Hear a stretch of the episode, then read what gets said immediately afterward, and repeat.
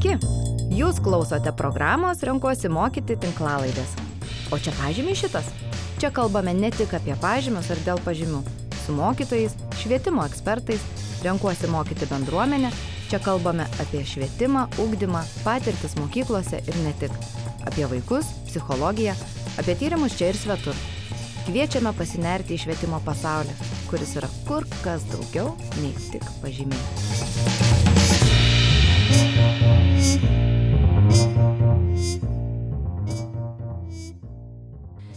Sveiki, su jumis sveikinuosi aš, Gabrielė Kartanaitė, esu renkuosi mokyti programos 11 kartos alumnė ir šiandien tinklalaidėje, o čia pažymiai šitas, nagrinėsime asmeninio ir profesinio tobulėjimo temą.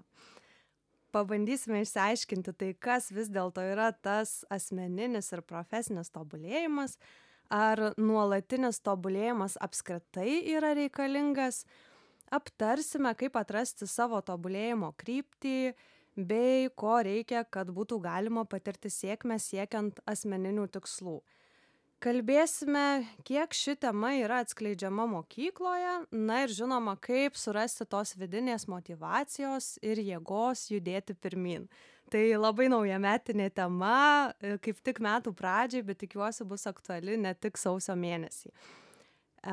Kad būtų lengviau nardyti šioje temoje, prie kito mikrofono sėdi ir šypsosi Barbara Drasutytė, renkuosi mokyti antrosios kartos alumnė, kuri puikiai išmano asmeninio ugdymo sritį. Tai prašysiu Barbara tavęs trumpai prisistatyti ir pristatyti savo platų veiklų spektrą. Labas labas labai smagu čia būti.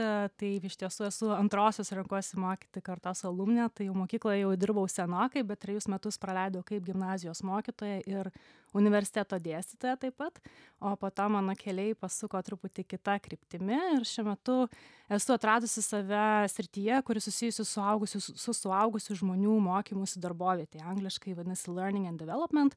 Esu buvusi trenerė padėdavau darbuotojams išmokti daryti įvairias darbo užduotis. Esu buvusi mokymosi konsultantė kur teko daugiau dirbti su minkštųjų įgūdžių lyderystės ugdymu na o šiuo metu esu trenerių komandos vadovė. Taigi tiek pačiai yra tekę susidurti su asmeninio ir profesinio tobulėjimo tema tiek tą tenka daryti darbe. Tai aš kaip ir minėjau, pas tave labai platus veiklų spektras, bet vis tiek viskas siejasi su asmenybės ugdymu. Tai nekantrauju pradėti ir noriu pasidalinti savo naujametiniu tikslų, e, naujametinių tikslų planu, kurį buvau išsikėlusi dar prieš praeitus naujuosius metus. Tai planas toksai gal ir banalokas, atrodo ir nesunkiai gyvendinamas, tai aš papasakosiu, kaip jis atrodė. Tiksliai gal ir nepacituosiu, bet keletas dalykų buvo maždaug tokių, kad kiekvieną dieną nueisiu bent dešimt tūkstančių žingsnių, kad perskaitysiu bent 50 knygos puslapių kasdieną. Taip pat ir socialiniuose tinkluose praleisiu nedaugiau nei pusvalandį. Aišku, dar prie viso to buvo ir tempimo pratimai kas rytą, ir atsikėlimas su pirmu žadintuvu. Tai aš ir James Clear atominių įpročių knygą buvau matomoj vietoj pasidėjus, kad jeigu reiktų pasikartočiau, aišku, ir užrašų knygelė nauja tam buvo skirta, kad galėčiau žymėtis progresą, programėlių turėjau telefone, kur e, galima varneles uždėti, kai pasieki savo kažkokius tai mažus tikslus. Tai va taip atrodė mano visų metų planas, kuris truko lygiai savaitę. Nesumeluosiu, tikrai e, apie septynias dienas aš ištvėriau su tokiu savo e, iššūkiu ir užteko vienos dienos, kuri būtų tokia sujaukta, vienas elementas iš plano iškristų, kitas elementas ir tada staiga kažkaip viskas subirėjo, aš tą užrašų knygelę padėjau į toliausią stalčiaus kampą ir kažkaip grįžau į tą savo tokią, sakyčiau, netobulą realybę tai dabar man labai įdomu tavo nuomonė ar čia yra toksai galbūt labai naivaus žmogaus naujametinis scenarijus ar vis dėlto kažką galima daryti kitaip kad toks planas vis dėlto taptų realybe scenarijus iš tiesų manau yra ne tiek naivaus žmogaus kiek bet kokio žmogaus. Kiekvienas iš mūsų esam tokioje situacijoje buvęs ir man atrodo tau atrodo viską darai teisingai. Ir epsus turėjai ir ten mažus pasiekimus kažkokius žymėjai ar ne ir, ir tos atominius įpročius mažus ugdėsi. Bet iš tiesų mes visi būnam tokioje situacijoje. Man yra tokia įstrigusi mintis kad naujametinius planus dažnai mes e, kuriame kada? Tada kada esame euforijoje. Mes esame laimingi mes esame nu šventės su mylimais žmonėmis skaniai pavalgę dovanų gavę viskas yra gerai išsimiegoję pailsėję ir taip toliau. Ir tada mums atrodo gyvenimas toks fainas aš labai daug galiu kažko pasiekti. Tai mes tada kuriame naujametinius pažadus sau ir planus. O kas juos turi įgyvendint tuos planus tuos planus turi įgyvendinti pavargę mes. Tie kurie bus neišsimiegoję va kaip tu sakai ta tokia sujaukta diena ateina ir staiga tą planą reikia įgyvendinti. Tai sakyčiau čia yra labai tipinis scenarijus daugelio mūsų ir kai mes prisėdame galvoti tuos pažadus sau naujiems metams reiktų prisiminti kad mes būsime pavargę ir planuotis tiems pavargusiems sau tiems tingiems sau o ne tiems kurie kaip mums atrodo dabar yra puikiai išsi išsiilsėję ir ir galintys nuversti kalnus taip kad viskas yra įmanoma bet reikia būti realistiškiems Tai aš tikiu, kad mes grįšim prie šitos temos ir kaip išsikelti realistiškus tikslus ir kada juos keltis. Gal naujieji metai nėra puikiausia data tam padaryti, bet pradžioje kažkaip norėtųsi susivienodinti supratimą apie savokas ir man pačiai labai sunku suvokti skirtumą tarp asmeninio ir profesinio tobulėjimo. Na pavyzdžiui jeigu aš e, nusistatau tikslą kad dabar kiekvieną naktį išsimiegosiu aštuonias valandas ir tam kad pasigerinčiau savo kasdienybę tai tai be abejo turės įtakos ir mano darbe. Aš būsiu žvalesnė aš tikriausiai greičiau atliksiu užduotis man lengviau e, seksis dirbti su dideliu kažkokiu tai krūviu. Ir tada vat šitoj vietoj ir nebesuprantu kur yra skirtumas tarp asmeninio ir profesinio tobulėjimo. Ir ar reikia čia kažkokią tokią griežtą ribą nubrėžti ar vis dėlto šitie dalykai yra tapatūs ir galima tarp jų dėti lygybės ženklą gerą klausimą keli o keli o kam tuos skirtumus tada ir jų ieškoti. Iš tiesų man tos sąvokos yra labai susijusios būtent tai ką tu sakei. Galbūt kai mes kalbam apie profesinį tobulėjimą kalbame apie konkretesnę siauresnę sritį tiesiog nes kalbame apie tą tobulėjimą tą kaitą kurią turime savo profesinėje veikloje darbe. Bet kaip pati puikiai sakai asmeninis tobulėjimas jisai gali daryti įtaką tavo profesiniam tobulėjimui. Tai tiesiog yra platesnė didesnė sąvoka. Aš mąstau apie tai taip kad asmenybė aš esu visur. Aš savo asmenybę nešuosi ir į darbą ir savo savanoriškas veiklas ir buityje aš esu kažkokia asmenybė. Taigi kaip tu sakai jeigu aš išsimiegosiu aštuonias valandas ar devynias kiem kiek čia kam to reikia a tai e, iš tiesų padės ir mano tobulėjimui visose kitose srityse. Taipgi man yra profesinis tobulėjimas ir asmeninis tobulėjimas neatsiejami dalykai ir iš tiesų netgi juos reiktų prisiminti kad reikia susieti. Kartais mes apie profesinį tobulėjimą galvojam kaip apie tiesiog konkrečių įgūdžių ugdymą. Nu va išmoksi naudotis šita programa ir bus geriau. Bet pamirštame tą asmenybinio tobulėjimo dalį kur iš tiesų reiktų ar su savo mindsetu dirbti ar tuos įpročius ugdytis tam kad mes galėtumėm vėliau a visą tą kitą tobulėjimą ar kaitą įgyvendinti. A bet aš tau norėčiau kitą klausimą užduoti apie žodį tobulėjimas. Galbūt a žodis tobulėjimas kai vat ruošiausi mūsų šitam susitikimui galvojau jis labai lietuvių kalboje susijęs su žodžiu tobulas. Ir kai mes sakom tobulėjimas mes iš karto galvojam o tai čia yra siekis tapti tobulam bet ar išvis įmanoma tapti tobulam um, angliškas žodis development jis gal labiau susijęs tiesiog su kaita tai siūlyčiau gal gal pagalvoti apie tai ar mes kalbam apie asmeninį tobulėjimą arba tiesiog asmeninę kaitą ir tai kaip mes gyvenam su ta savo kaita Labai geras pastebėjimas. Dar matau, kad dažnai yra vartojamas žodis augimas. Mhm. O kaip kaip tu vertini augimas tobulėjimas kaita kas čia nusveria kas užima pirmą vietą? Turbūt nėra vieno tobulo žodžio ar ne? Tai yra tai apie mūsų kalba šiek tiek išduoda kaip mes mąstom apie tai. Kai aš sakau tobulėjimas aš iš karto galvoju o čia turbūt mano perfekcionistinis mąstymas įsijungia ir kas tas tobulumas yra ir ko čia reikia pasiekti. Kai aš sakau augimas arba kaita iš karto galvoju daugiau apie procesą negu apie tą nepasiekiamą rezultatą kuris gali būt labai labai toli ir iš tiesų tą motyvaciją numušti augti. Mhm. Kalbi apie perfekcionizmą. Kiek manai turėtų būti jo tobulėjime? Na vartokim gerai pabandom kažkaip nutarti kokį žodį mes vartojam bet aš manau kad tobulėjimas jis teisingai tu sakai suponuoja kad mes turim būti kažkaip tai tobuli. Tai bet jeigu mes nusiimtume tą krūvį ir tiesiog kalbėtume apie tai kad mes tobulėjam augam keičiamės tai kiek tame turėtų būti perfekcionizmo ir planavimo strategavimo ir kiek mes galim tiesiog leisti sau augti leisti sau keistis ir nereikia čia nieko forsuoti. Planavimas ir strategavimas nebūtinai yra tobulumo siekimas planą gali turėti ir nesiekdamas tobulumo. Tai yra tiesiog struktūra kurią tu tam savo augimui suteiki. Aš apie tai galvoju šitaip. Esminis klausimas kurį sau reikia užduoti įvairiose gyvenimo situacijose yra kiek aš esu šiuo metu laimingas? Va čia ir dabar su tuo ką aš darau su tuo ką aš veikiu su tuo ką aš siekiu.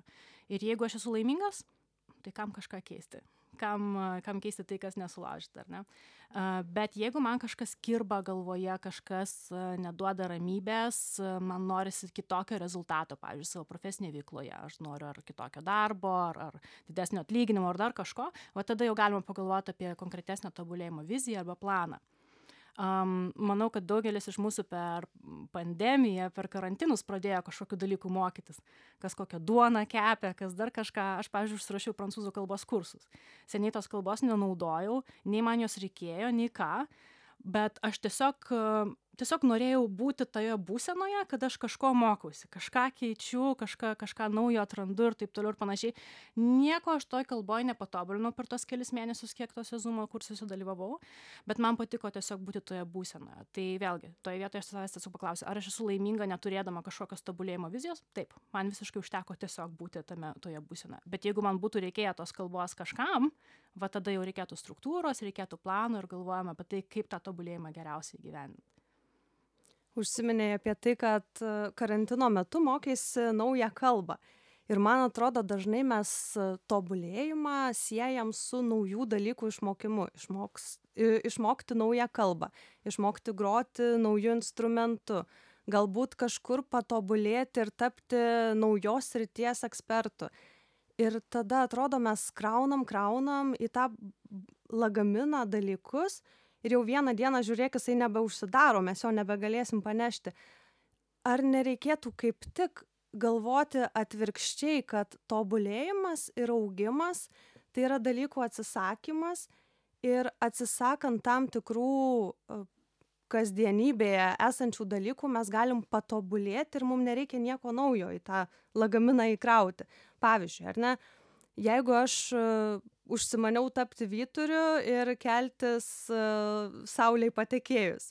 Tai aš įsivaizduoju kad tos trys serialo serijos iš vakaro gal ir nebūtų pats geriausias sprendimas. Tai man užtektų tiesiog atsisakyt nef netflikso prenumeratos ir aš jau žiūrėk patobulėjus.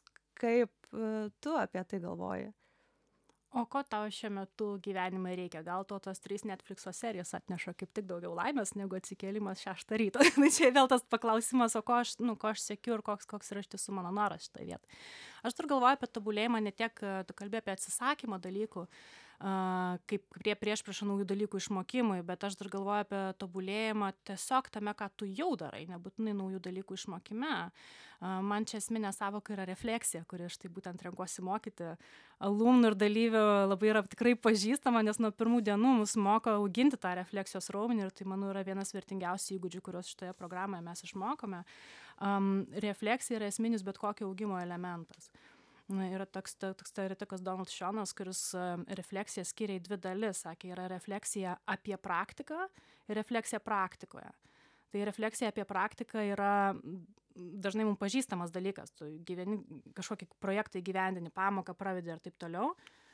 A ir tada atsisėdi pavyzdžiui su savo projekto komanda ir aptari kaip kaip tau viskas pavyko kas sekėsi kas nesisekė ir taip toliau. Tai yra po fakto jūs atsisėdat ir reflektuojat bet yra ir kita refleksijos dalis tai yra refleksija praktikoje. Kai tu esi tame momente kai tu vedi tą pamoką kai tu darai tą projektą ir tu per tą sąmoningumą tą vadinamąjį mindfulness tu sugebi stabtelti ir pastebėti o dabar vyksta šitas dalykas. Dabar mano pamokoje įvyko šitoks momentas. Dabar aš esu pavyzdžiui konflikte ir aš sugebu sau įvardinti kad aš pykstu aš noriu šaukti bet aš turiu alternatyvą padaryti kažką kitaip ir taip toliau ir panašiai. Tai kai mes išmokstame reflektuoti būdami ir savo praktikoje ir savo veiksmuose ne tiktai po jų kai mes sugebame tai sukombinuoti tada manau ir kiekvienoje savo veikloje galima tiesiog nuolatos tobulėti net net net ir be to plano ir struktūros apie kurį klausei tai čia nebūtina naujo kažko mokytis tiesiog tu da tu kaupi tokį vadinamą praktiko repertuarą tai yra tu iš savo situacijų su kuriomis susiduri savo kasdienybėje mokaisi tam kad vėliau susidūręs su panašiomis situacijomis jau galėtum geriau su jomis susidoroti. Kaip išmokti refleksijos? Nes renkuosi mokyti programoje mes turėję šimtus refleksijų ir žinom įvairiausių metodų bet o ką daryti kai nežinai nuo ko pradėti Labai sudėtingas klausimas. Uh, ir iš tiesų tiesiog reikia daryti. Ir, ir galvoti apie tai, kaip aš išmoksiu reflektuoti, ne, nevyksta. Reikia imti ir bandyti ir ieškoti savų būdų. Pavyzdžiui, renkuosi mokyti vasaros mokykloje, mūsų prašė rašyti dienoraštį. Daug kas spiriojasi, aš irgi spiriojasi, nemėgstu aš to dienoraščio rašyti. Aš jį parašiau mėnesį, man tą mėnesį buvo gerai, bet aš paskui jo nerašiau yra žmonių kurie rašė toliau jie atrado savo būdus. Am kiek yra tekę dirbti pavyzdžiui su vaikais ir jaunimu kadangi taip pat esu buvusi skautų vadovė mes esam irgi ieškoję įvairiausių būdų padėti vaikams išmokti reflektuoti nes dažnai suaugę savanoriai galvoja na va labai paprasta mes atsisėsim su vaikais į ratą ir jie kalbėsis apie tai kas čia vyko kas įvyko. Ne taip nevyksta reikia dažniausiai kažkokių katalizatorių reikia pradėti nuo pavyzdžiui paveiksliukų nuo tokių metodų kaip įvardink vienu žodžiu ar ten pasirink kankorėžį kuris šiuo metu atspindi tavo būseną ir panašiai. Tai nuo tokių mažų dalykų pradėdami mes pamažu tą refleksijos raumenį ir auginame bet nebandydami tų įvairiausių metodų ir ir nedarydami nereflektuodami ir neišmoksime. Tai yra toks pat įpročio kūrimas kaip ir įpročio atsikelti anksčiau rytais auginimas. Bet čia yra darbas. Tai reikalauja daug pastangų kad ir pats dienoraščio rašymas. Tu turi atsisėsti pradėti rašyti ranka dar ar ne kas jau toksai atrodo atgyvenęs dalykas kartais. Ir ar tai galima kažkaip ar tai turėtų būti traktuojama kaip darbas? Ko kaip kaip tu manai? Žinoma kiekvienas mhm. augimas reikalauja pastangų. Mes galvojam kad augimas ir mokymasis turi būt visą laiką malonus. Ir labai gerai kai jis yra malonus nes tada daugiau motyvacijos atsiranda bet mes iš tiesų paaugame tik tada kai kažkiek truputėlį išeinam iš savo komforto zonos. Yra tokia sąvoka desirable difficulty tai yra kiekviename mokymasi turi būti šiek tiek sunkumo. A, tai gal tas toks pradinis prisivertimas reflektuoti tas toksai kur tu savo kalendoriuje įsirašai tas penkiolika minučių kur tu atsisėsi ir pagalvosi apie tai kaip tau šiandien sekėsi. Jis turi būti pradžioj šiek tiek priverstinis jis šiek tiek bus pradžioj nemalonus bet kai jis taps įpročiu jis taps daug lengvesnis. Gerai o dabar norėčiau galbūt pereiti prie mokyklos ir pakalbėti apie tai kiek mokykloj yra to asmeninio tobulėjimo nes atrodo kad mokykloje mes mokomės kiekvieną dieną mokytojai ir mokiniai mokosi tikrai kiekvieną dieną atranda naujų dalykų. Ir kiek tame mokymesi yra vidinės motyvacijos ir tokio sąmoningo supratimo kad aš dabar mokausi ir nežinau tai man pravers ateityje tai kažkaip mane praturtins ir kiek yra prievolės ir aš kalbu ne tik apie mokinius bet ir apie mokytojus kurie kartais yra priversti galbūt nueiti į seminarą į kurį jie galbūt nenori nueiti ir kaip su tuo dorotis kad iš kur atrasti tos vidinės motyvacijos e, daryti dalykus, kurie galbūt yra nekylantys iš tavo vidaus.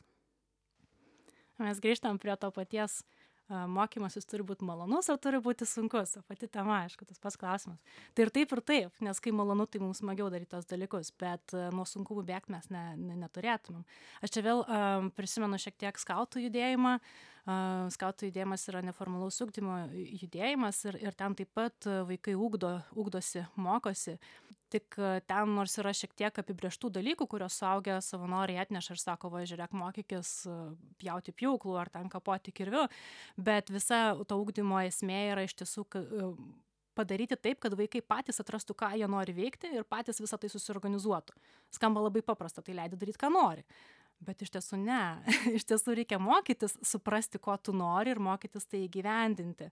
Prisimenu um, buvau kažkokioje skautų stovykloje ėjau per stovyklą neprisimenu ko aš ten ėjau bet vyko programa visi vaikai buvo programoje ir einu aš per stovyklą ir žiūriu kad du vaikinukai kokių septynerių aštuonerių metų jie ne programoje o kažkur krūmuose kažkokius pagalius nešioja. Ten duobė buvo tuos pagalius jie stato tenais. Nu ateinu sakau broliai ką darot? Mes skautuose visi broliai sesėm vieni kitus vadinam. Sako mes statom spąstus stirnoms o kodėl ne programoj nu mes statom spąstus stirnoms ir jie man ten papasakojo kaip jie tas stirnas gaudys kokios čia stirnos ateis ir taip toliau ir panašiai. Tai čia buvo puikus pavyzdys kaip na buvo kažkokia privaloma veikla ar ne? Bet turbūt tuo metu tie vaikai toje veikloje nematė prasmės ir suaugę savanoriai jiems leido pasirinkti veiklą kurioje jie matė prasmę ir ją įgyvendinti. Tai čia sakyčiau būtų pavyzdys kai vaikai turėjo vidinę motyvaciją ir turėjo tą draivą patys įgyvendinti šitą šitą projektą sugauti tas stirnas ir netgi galėjo tą projektą paaiškinti kitiems. Tai yra man stebėtojui iš šono. A bet kita vertus ne visą laiką taip bus. Ne visada mes galėsime leisti sau tas stirnas gaudyti nes a bus dalykų kurių mes nenorėsim daryti tu negali pradėt rašyt poezijos ispaniškai jeigu ne neatsisėsi ir nepasimokysi ispanų kalbos žodyno gramatikos ar dar kažko. Ir tai yra ta nemalonu nemalonioji dalis kurią reikia išgyventi. Reikia atsisėsti ir mokytis atmintinai. Reikia atsisėsti nu išmokti suprasti tą formulę matematikos kurią tu vėliau galėsi taikyti. Tai mano manymu mokyklos ar ar visų kitų augimo aplinkų vienas iš tikslų turėtų būti ne tik sukurti tas erdves kur mes galėtumėm eiti ir bandyti ieškoti tai ko mes norim ir patys patys savo augimą kurti bet iš tiesų ir padėti mums augintis vidinius resursus o ką mes darome kai mums yra sunku? O ką mes darom kai mes neturim tos motyvacijos? Ar mes numetam nusisukam ar mes vis tik pakylam ir darom toliau? Aš čia prisimenu tokią autorę brené brown tyrėją kuri kalba daug apie pažeidžiamumą vulnerability jos knyga rising strong yra būtent apie tai ką žmonės daro kai susiduria su nesėkmėm. Ir ji sako kai mes susiduriam su nesėkme kai mes esam parpuolę ant žemės ir jaučiamės palūžę mes turėtum visų pirma pasakyti tiesą sau ir kitiems. Taip man nepasisekė aš šiuo metu esu palūžęs. Buvo tokia ir tokia klaida padaryta nesėkmė ir taip toliau ir panašiai. Ir tada iš to pakilti per per tą pripažinimą sau ir kitiems kokie mes esam ir kaip ką mes galime daryti su tuo. Tai čia yra tas atsparumas tie vidiniai resursai kuriuos manau mokykla tiek mokytojai tiek mokiniai gali padėti užauginti per tuos nemalonius dalykus tuos kaip tu sakai kažkas yra privaloma. Taip dėl to kad be to tu negalėsi daryti tų visų kitų manau maloniųjų eksperimentų kuriuose galėsi tyrinėti ir daryti tai ko norėtum gaudyt savo stirną o kai tu pati prisimeni savo patirtį mokykloje tu kiek pamenu dirbai tris metus mokykloje taip? Kaip su tuo dorodavaisi pati kai dažnai yra toksai galbūt atmetimo atmetimo reakcija iš mokinių kai tenka bandyti įtikinti kad galbūt jiems ateityje to reikės galbūt nežinau primink kokį dalyką tu mokei mokykloj kai manęs to klausė aš visą laiką prisimenu kaip mums sakydavo renkuosi mokyti tu mokai ne dalyką vaikus. Tai aš mokiau devintų dvyliktų klasių mokinius anglų kalbos. Anglų kalbos ar ne? Tai su anglų kalba dabar tai mokiniai man atrodo labai imliai. Anglų kalba nuolat sukasi jų kasdienybėj. O kaip ta tavo patirtis buvo kokia? Ar reikėdavo juos įtikinti kad turi būti tam tikras procentas sun sunkumo tam kad galėtum po to maloniai sau išsitiesti ant sofos ir skaityti knygą anglų kalba arba žiūrėti filmą. O taip visko buvo ir iš tiesų manau kad visi pradedantieji mokytojai praėjo tą bandymų kelią kur bandė ir taip parodyt ir kitaip parodyt. Bet mano didžiausias išmokimas šitoj vietoj turbūt yra kad kartais reikia priimti tą faktą jog tai kas tau atrodo prasminga nebūtinai atrodo prasminga kitam mano pamokose man man yra tekę susidurti su vaikais ne tokie ir vaikai jau buvo paaugliai kurie tikrai labai sunkiai kalbėjo angliškai ir ir nenorėjo to daryti ir ir labai atrodė na priešiškai nusiteikę tam mokymosi procesui. Ir aš iš pradžių labai bandžiau ten iš išorės juos motyvuoti kol aš supratau nu ne tai jiems šiuo metu gyvenime rūpi daug iš jų buvo atėję iš šeimų kurios ir taip buvo daugiakalbės ten buvo kalbama daug skirtingų kalbų ir daug kitų buvo a paauglystė galų gale daug visokių kitokių reikalų galvoje. Tai na kiek aš bepasakosiu kad tu galėsi žiūrėti filmą anglų kalba ne tai nėra to to to mokinio prasmė. Tai galbūt tada tu savo pamokoje gali dirbti su kitais dalykais gali dirbti su mm, gerai išmoksime anglų kalbos žodžius bet esmė ne anglų kalbos žodžių mokymesi o tame kad mokinys pavyzdžiui pasimokė mokymosi strategijos kaip mokytis atmintinai kažką. Tarkime tai yra tų bendrųjų kompetencijų ugdymas. Tai kai tu tą įsisąmonini kad įsisąmonini kad ne visiems tas tikslas yra gali būti vienodas tada yra daug lengviau. Tai mokiniams pasisekė turėti tokią mokytoją kaip tu kuri galvoja ne tik kaip tu sakei apie dalyką bet galvoja apie mokinį ir galvoja apie jo asmeninį tobulėjimą ir apie jo kelią. Aš kažkaip dabar pati švietimo mokslo ir sporto ministerijoje dirbu su profesinio orientavimo sritim ir iš arti matau karjeros specialistų ateimą į mokyklas. Ir man atrodo, tame yra labai daug prasmės, nes e, dabar atsiradę karjeros specialistai yra labai arti mokinio ir dirba su mokinių asmeniniu ir galbūt būsimu arba esamu profesiniu tobulėjimu, padeda jiems keltis tikslus, įgyvendinti juos, padeda kurtis kažkokią viziją, matyti tokį ateities kažkokį tai savo planą. Ir man atrodo, mokyklose vis daugiau atsiranda to bandymo pažiūrėti tai, kur aš asmeniškai galiu tame aukti dalyke. Ir aš taip norėčiau tikėti, kad to, to vis daug, daugės, nes mokykloje mes labai turim daug išorinės motivacijos. Mokiniai vertinami pažymių, mokytojai rašo pagirimus pastabas, mokiniai grįžta namo, tėvai kažkokį grįžtamą ryšį teikia. Po to vėliau, jeigu studijuojama, tai aišku, universitete kur nors ar ne, dėstytojai kažkokį tai įvertinimą atsiunčia ir visada tas toksai išorinis patvirtinimas, kad tu atsiranda išorinis patvirtinimas, kad tu eini teisingų kelių, kad tu gerai viską darai ir tada galvoju, kad ar mes išmokstame uh, vidinės motyvacijos ir gebėjimo e, laikytis pažado sau per visą tą laiką, kai mes nuolat esame kažkaip išoriškai vertinami. Tai net ir tuos kažkokius mažyčius tikslus įgyvendinant, atrodo, nu, kaip beproto sunku, kai tu pasižadi tik tai savo. Nu, gerai, perskaitysiu šiemet šimtą knygų, ar ne? Perskaičiau dvi ir kas, nu, niekas man nuo to nieko nesakys. Vėlgi čia apie tą vidinių resursų turėjimą ar ne?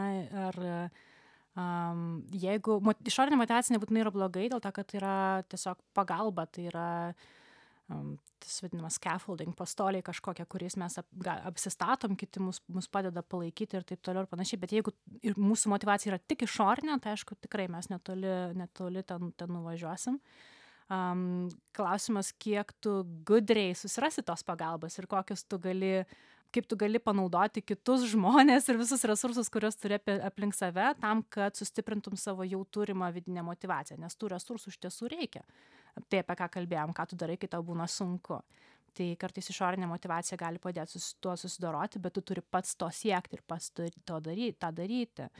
Yra tikrai e, profesiniam, profesiniai veikloje tekę susidurti su žmonėms, kurie, žmonėmis, kurie sako, pavyzdžiui, norėčiau vienokios ar kitokios darbo pozicijos. Ir tada tu kalbiesi ir klausi gerai o ką tu su tuo darai?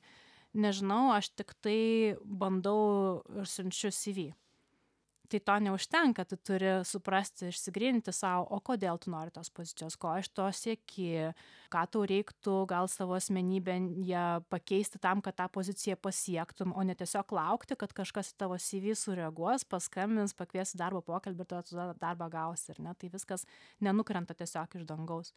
Galvojant apie tą išorinę motyvaciją čia vėl prisimenu tokią knygą the progress principle kurią parašė teresa mabley ir steven kramer jie tyrinėjo žmones darbovietėje kas juos daro laimingus iš principo kas jiem padeda turėt pozityvias mintis emocijas ir vidinę motyvaciją dirbti. Ir jie atrado kad yra trys išoriniai faktoriai kaip kiti žmonės gali mums padėti palaikyti tą vidinį mūsų pozityvų gyvenimą. Tai tie trys faktoriai yra visų pirma vadinami katalizatoriai tai yra tiesioginiai resursai pavyzdžiui laikas ar mes turim pakankamai laiko atlikt atlikti savo užduotim priemonės na mokykloje turit markerį rašyti ant lentos ar neturit jeigu turit iš karto yra daug smagiau dirbti ar ne Antrasis faktorius yra nourishers, tai tokie maitintojai, tai yra netiesioginė pagalba. Ar mums pastebi, ar mums pasako gerą žodį, ar mus pasveikina, kai mums pasiseka. Tai vėlgi kiti žmonės tą gali mums padėti padaryti. Bet pats stipriausias faktorius, kuris žmonės daro laimingesnius, yra pažangos jausmas tie vadinamieji small wins, maža pažanga, apie ką Gabrielė užsiminė pačioje pradžioje, ar žmogus jaučiasi dar, dar, darantis prasmingą veiklą ir ar jis jaučiasi kad jis progresuoja į priekį bent jau mažais žingsniais kiekvieną dieną po truputėlį. Tai vėlgi kiti žmonės mums tą gali padėti padaryti. Tai jeigu mes žinodami tą kad kiti žmonės gali mum padėti šitais būdais. A sąmoningai ieškosim tos pagalbos manau išorinė motyvacija taip pat gali būti vertinga. Nesvarbu ar profesiniam gyvenime ar asmeniniam tobulėjime galime pasinaudoti kitais žmonėmis ir išoriniais resursais. O ką daryti kai nepasiseka? O ką pati darai kai nepasiseka nutariau, kad e, ne, šitas planas šitie metam netiks, laukiu kitų metų, gruodžio 31, kada rašysiu naują planą. Tai va, mes, man atrodo, visai gražiai galim grįžti prie tos temos, kaip išsikelti tikslus savo ir kada juos reikėtų keltis. Nes aš tikiu, kad gruodžio 31 gal, kaip ir sakė, nėra tobuliausia diena, kada mes esam tokioje euforijoje, prieš šventinį nuotaikoje. Ir kaip tą reikėtų daryti, gal turi kažkokius metodus, žingsnius, ar ką pati galbūt darai? Man patinka staptelti ir turėti tokį laiką ir erdvę savo pagalvoti apie tai. Aš naudoju šiek tiek vizualizacijas, tiesiog atsisėdi, užsimerki ir bandai save įsivaizduoti. Na gerai, įsivaizduoju aš save metų pabaigoje, kokia aš esu ar ir, tada bandau suprasti, kokioje jausenoje aš esu. Ar ta mano jausena yra apie gerą fizinę jauseną, ar ta jausena yra apie mano gerą santykį su kitais žmonėmis. Ir tai tada formuoja mano kryptį tame pažadę savo ar tobulėjime, ko aš labiausiai norėčiau siekti. Jeigu, tarkim, aš įsivaizduoju, kad metų gale aš jaučiuosi fiziškai geriau negu jaučiuosi dabar, galbūt mano asmenis pažadas savo bus daugiau apie sportą ar kažkokią fizinę veiklą. Jeigu aš vis tik galvoju apie, nežinau, kad aš e, dirbu kitokį darbą, tada galbūt e, bus daugiau susijęs su kažkokiais profesiniais pokyčiais, pavadinkime taip. Tai aš naudoju vizualizacijas, tiesiog tam reikia skirti laiko ir sąmoningai, ne tiesiog važiuojant troleibusu galvoti, hm, ką čia dabar savo pasižadėti kitiem metam, o pasakyti, va, dabar aš atsisėsiu, užsidegsiu žvakę ir skirsiu 10 minučių pagalvoti apie tai, ko aš norėčiau. Tos tylos ir ramybės. Kalbant apie tų pažadų ir planų dėliojimus, tai um, yra įvairiausių e, triukų, kuriuos galima panaudoti. Kalbėjom apie išorinę motivaciją ir kitų žmonių panaudojimą. Yra begalės būdų, kaip tu gali įdarbinti kitus, kad jie tau padėtų tobulėti.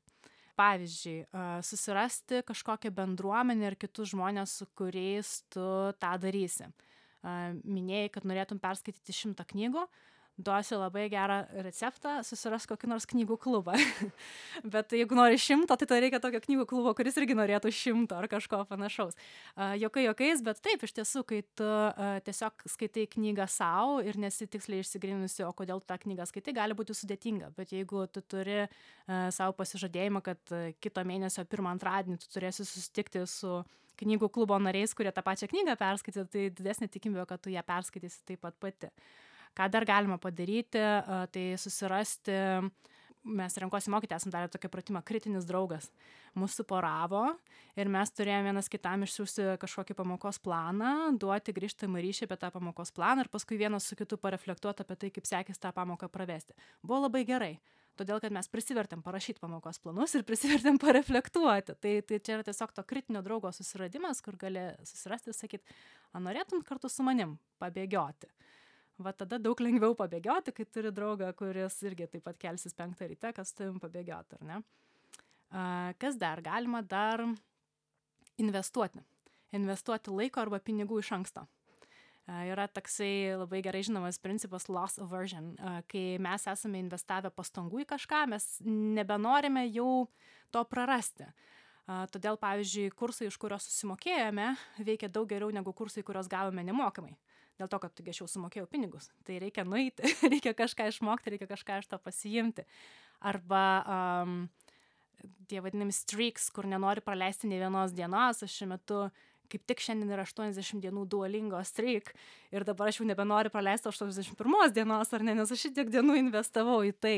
Tai uh, visi tie trekeriai, programėlės, pinigų sumokėjimas iš anksto atrodo, mm, toksai triukas, bet taip jis iš tiesų padeda tiesiog mums neprarasti tos motivacijos ir važiuoti toliau. Taigi tų visokiausių uh, būdų padėti savo yra, bet reikia atrasti tos būdus, kurie veikia būtent mums, nes tai, kas veikia kitam, nebūtinai veiks ir tau.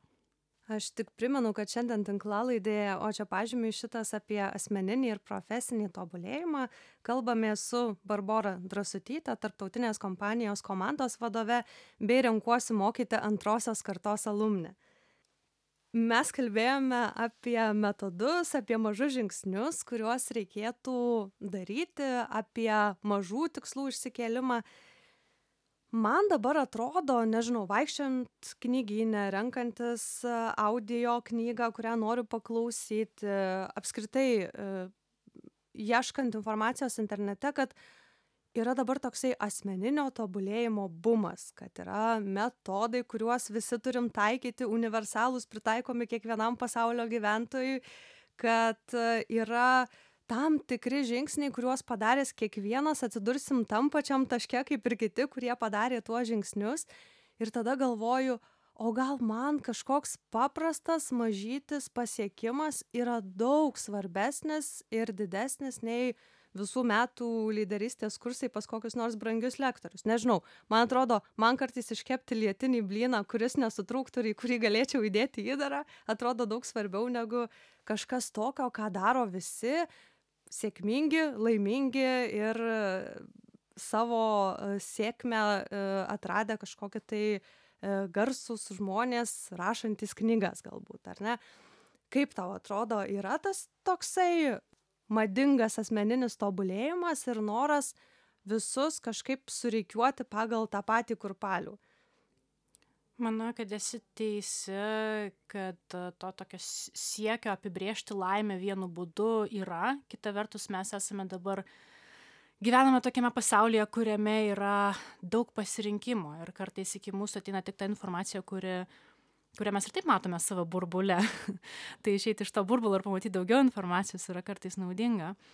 Bet e, laimę, laimę apibrėžiam kiekvienas pats savo ir ir labai teisingą klausimą užduodi o kas tau yra svarbu ko tu sieki mes kalbėjom apie tą tikslų kėlimą ir ir sakiau kad mėgstu pati vizualizuoti o kas man yra svarbu tai aš tą darau dabar dėl to kad aš nenoriu gyventi pagal kažkokį kitą planą ką ką kurį man kitas žmogus pasakė va taip turėtum gyventi.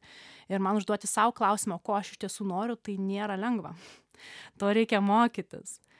Kai kai turime daug tos pasiūlos to pasirinkimo mums gali atrodyti kad reikia va tą ir viską ir rinktis. Bet stabtelti ir paklausti savęs ko aš iš tiesų noriu tai būtų turbūt teisingesnis pasakymas nes jis mus nukreips į į į tą ką mes iš tiesų padarysim ir įgyvendinsime. Nes jeigu mes bandysim padaryti ko iš tiesų nenorime kas nėra susiję su tikruoju mūsų laimės siekiu tai turbūt to ir nepavyks padaryti.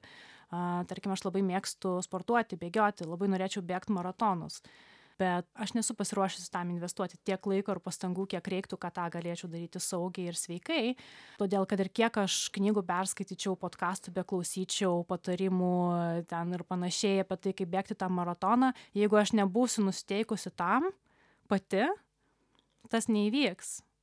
Skaityti apie maratonus aš galiu bet bėgti tai reiktų man ar ne?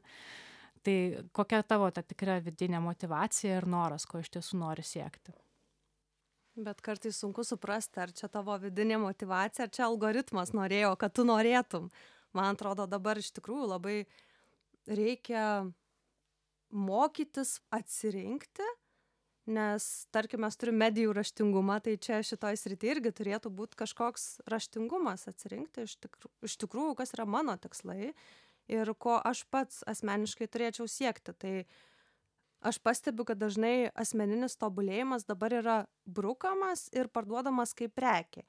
Ir dažnai žmogus bando, ieško ir tame yra daug paviršutiniškumo, skambių frazių, lozungų, Mes gyvenam laikais, kai ir turime daug pasirinkimų ir viena vertus yra labai gerai, labai smagu, kad mes esame tokiame pasaulyje, bet tai yra ir taip pat sudėtinga. Tai jeigu tuos skirtingus pasirinkimus priemi kaip privalomybę, va aš turiu būti toks, toks, toks ir visą šitą turėti ir išbandyti, tada yra labai sunku.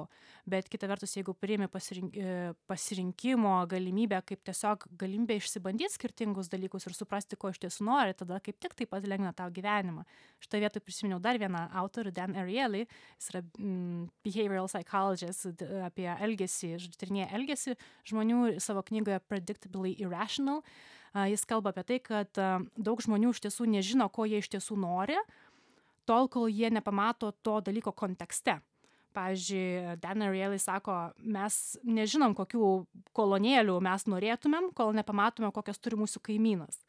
Arba, pavyzdžiui, tikrai dažnai nežinome, ko mes norėtumėm savo gyvenime daryti, kol neatsiranda koks nors e, dėdė mūsų šeimoje, ar ten draugas, ar kaimynas, kuris daro, o, va būtent tai, ko aš norėčiau daryti. Tai tą kontekstą mums gali padėti susikurti tie įvairūs kursai, ar kažkokie nuomonės formuotojai, ar laidos, ar tinklalaidės. Tai yra tas kontekstas, iš kurio mes mokomės atsirinkti, ko mes gal iš tiesų norėtumėm. Bet tą klausimą, o ko aš iš tiesų noriu, galima atsakyti tik tai mes, niekas kitas už mus jo neatsakys aš priminsiu kad įrašo aprašyme klausytojai galės rasti nuorodas į šaltinius nes barbora tikrai paminėjo nemažai naudingos literatūros. Aš irgi paraštėse žymiuosi ir jau į savo tą šimto knygų sąrašą kitiem metam deduosi pabaigai norėčiau tavęs paprašyti pasidalinti įžvalga žinute klausytojams kaip išjudėti įsikvėpti kaip užsikurti nes vis dėlto už lango nykoka bet ta metų pradžia vis tiek mums kažkokios motyvacijos duoda keistis augti tobulėti. Gal norėčiau pasidalinti žinutę nuo savo kolegų, kaip tik pastarąjį pusmetį mes turėjome tokį refleksijų ratelį, su keliais kolegomis, kurie tiesiog norėjo rūpinti savo profesiniu tobulėjimu. Visi mes tobulėjom skirtingose srityse, bet susitikdavom kas mėnesį pašnekėti, pareflektuoti, kaip mums sekasi. Ir kaip tik turėjom paskutinį gruodžio mėnesio susitikimą, kur šventėme savo pasiekimus ir aš jų paklausiau, kokį patarimą duotumėt kitiems apie asmenį tobulėjimą. Ir didžioji dalis sakė tą patį, kad reikia atrasti savo kibirkštėlę nes bet kas tau gali pasakyti taip tu gali. Bet jeigu tu pats tuo netikėsi tada bus labai sunku išjudėti iš mirties taško. Taigi reikia susirasti tą kibirkštėlę o kas gi tave šiuo metu veža? Kas yra tas mažas bent jau dalykas kurį tu norėtum padaryti? Atsisėsti pagalvoti kaip jis galėtų tapti tavo tuo asmeniniu tikslu. Padaryti taip, kad kai būsi tingus ir pavargęs, jį galėtum pasiekti. Ir rasti savo būdą priminti karts nuo karto, ko tu iš tiesų sieki. Manau, kad susirasti kitus žmonės, su kuriais apie galėtum apie tai pareflektuoti ir pakalbėti, tikrai padėtų keliauti toliau ir to pažado nepamiršti metams bėgant. Ačiū tau, Barbara. Aš pati tikrai pasisėmiau labai daug minčių ir idėjų. Tikiu, kad ir klausytojai atras naujų kampų, kaip pažiūrėti į tą metų pradžią naujai. Ir uh, kaip atrasti tos vidinės ugnies ir kibirkštėlės, kaip tu sakei, judėti, judėti pirmin arba kartais galbūt net sustoti, nes kartais tikriausiai įsivertinus, kad mums nereikia naujų dalykų, o užtenka to, ką mes turim, galim tiesiog ir pailsėti tai ačiū už pokalbį linkiu gerų metų ir linkiu džiaugtis tuo kas yra čia ir dabar o gal pakeliui išmokti ir kokį vieną kitą naują dalyką jeigu taip norisi